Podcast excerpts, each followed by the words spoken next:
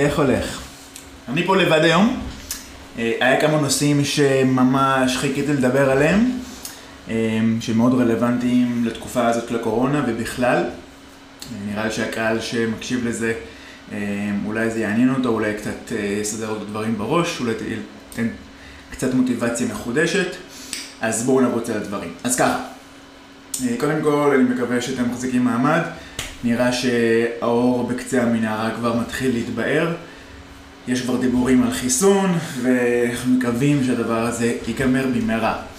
אה, אבל בזמן האחרון אני מתחיל לקבל הרבה, אה, הרבה תחושה ממאמני כושר, מבעלי מועדונים, של אה, מן הסתם תסכול, מרמור, מהמצב באופן כללי, מהמצב, מהצורה שבה הממשלה, ואולי גם קצת האוכלוסייה, מתייחסת לענף שלנו.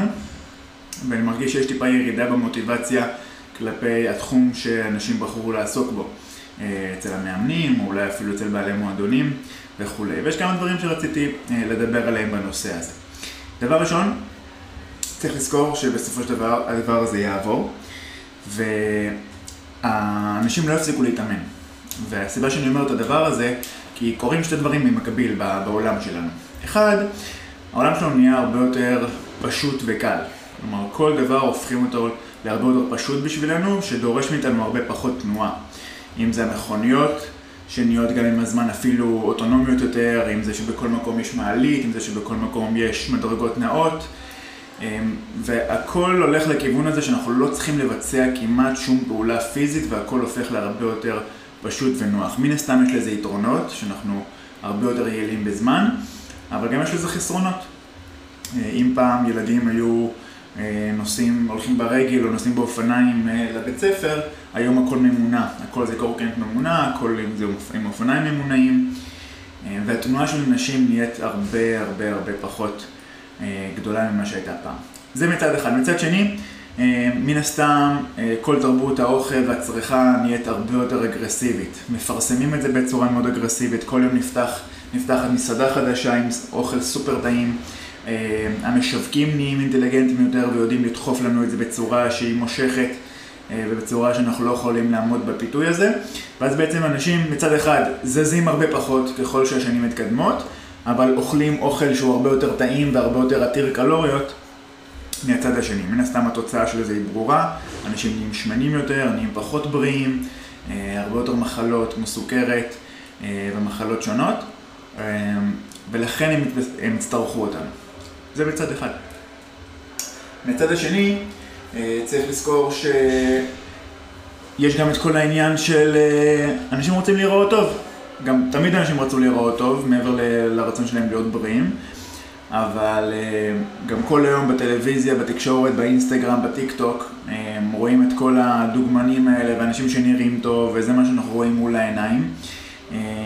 אז יש איזשהו דיסוננס כזה, מצד שני הרבה יותר, הרבה יותר קשה היום לעמוד בפיתויים האלה ולשמור על כושר ולשמור על אה, תזונה תקינה. מצד שני, אה, דוחפים לנו מול הפנים שאידיאל היופי הוא משהו שהוא אה, כמעט בלתי אפשרי, אבל משהו שכאילו זה כל מה שאנחנו רואים. אתה פותח את האינסטגרם וזה נראה כאילו כולם עם אה, ריבועים וכולם אה, בכושר, ואתה אומר לעצמך למה אני גם לא כזה.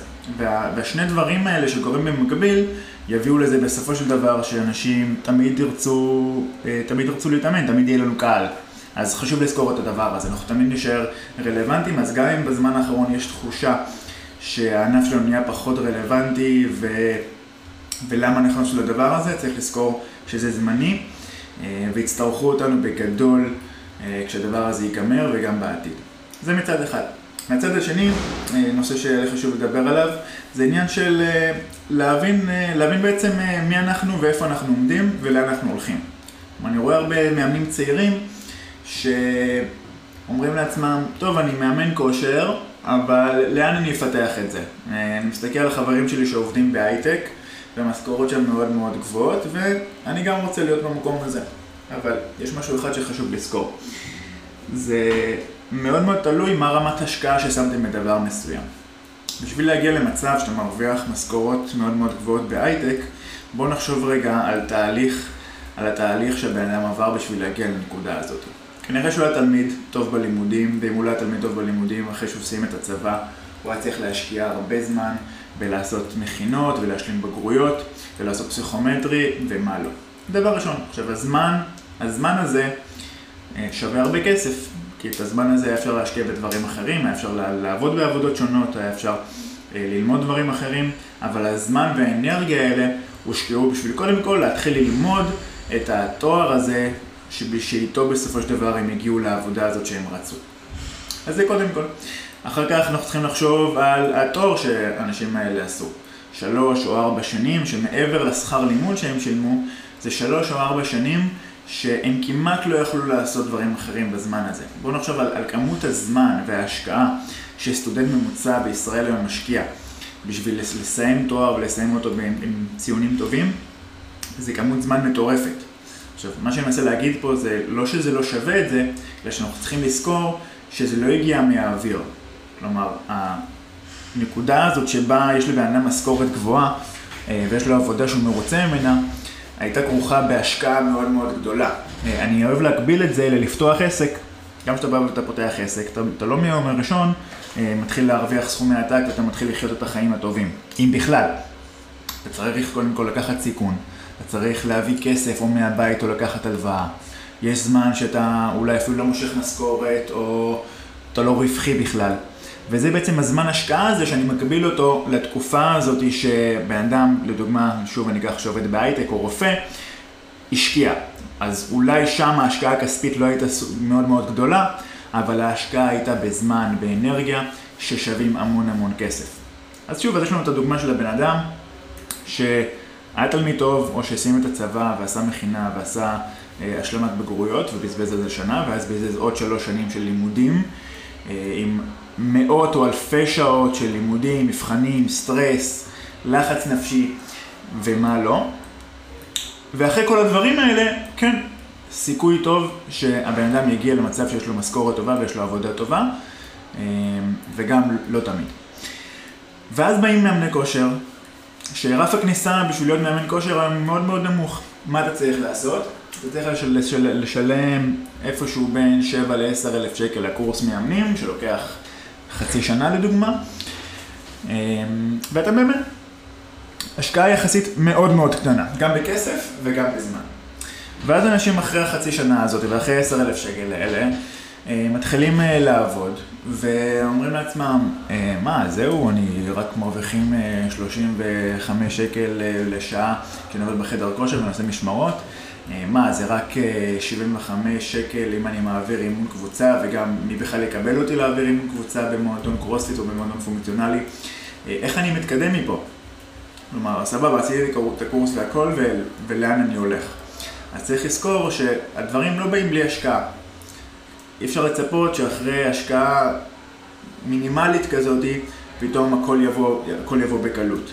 אבל מאמן שעבר את הקורס הזה, אבל יחד עם זה עבר קורסים אחרים, צבר זמן, עשה, אה, התאמן בעצמו והפך לאיזושהי אוטוריטה בתחום ובן אדם שאנשים עוקבים אחריו ורוצים להידמות לו והוא נחשב לאיזשהו מקור ידע מאוד מאוד מרשים. כלומר, הוא השקיע את הזמן הזה, הוא השקיע, הוא השקיע את ה...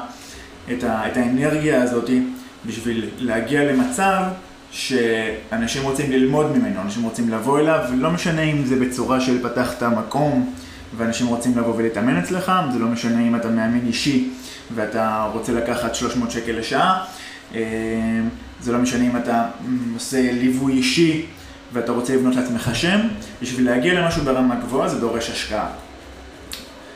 אחרי שאנחנו מבינים את הדבר הזה, אם השקעת את הזמן והשקעת את האנרגיה, אפשר לעשות דברים מדהימים בתחום הזה. אמ, שוב, כל אחד ייקח את זה לכיוון שהוא רוצה, אבל האפשרויות הן בלתי נגמרות, אנחנו אולי נדבר על זה בפרק אחר, כי זה קצת ארוך, אבל האפשרויות הן כל כך כל כך גדולות. אמ, עכשיו, בסוף גם צריך לזכור שיש פה עניין של מה אנחנו אוהבים לעשות ואיזושהי תחושת שליחות מסוימת. אני באופן אישי, כשנכנסתי לתחום הזה והתחלתי לאמן, אה, זה ממש לא היה בשביל הכסף. הכסף זה זה היה בונוס. גרתי אצל ההורים, הייתי צעיר, ופשוט אהבתי לעשות את הדבר הזה. אהבתי לעזור לאנשים, אהבתי לראות אותם משתפרים, והתחלתי עם זה. אה, מן הסתם היום זה כבר הפך לפר, לפרנסה שלי, אבל זה משהו שאני מאוד מאוד אוהב לעשות, באיזשהו מקום אני נהנה לעשות אותו גם בלי קשר לאם אני מקבל את הכסף בסופו של דבר או לא. אותו דבר בעניין הזה של אני מתאמן וזה כאילו חלק מהעבודה שלי, אבל הייתי עושה את זה גם ככה. כלומר, העבודה שלי היא גם התחביב הכי גדול שלי. אז חשוב לזכור את הנקודה הזאת. אז זה מה שאני חשוב לדבר עליו. אם יש לכם שאלות, אה, שלחו לי באינסטגרם, שלחו לי בפייסבוק. אה, אם יש לכם רעיונות לפרקים נוספים שבא לכם שנדבר עליהם, אה, תגידו לי בשמחה ונרוץ על זה. תחזיקו מעמד עוד קצת. אם אהבתם, שתפו, תשלחו לחברים, אני ממש ממש אעריך את זה. וזהו להיום. ביי חבר'ה, תודה רבה על הזמן.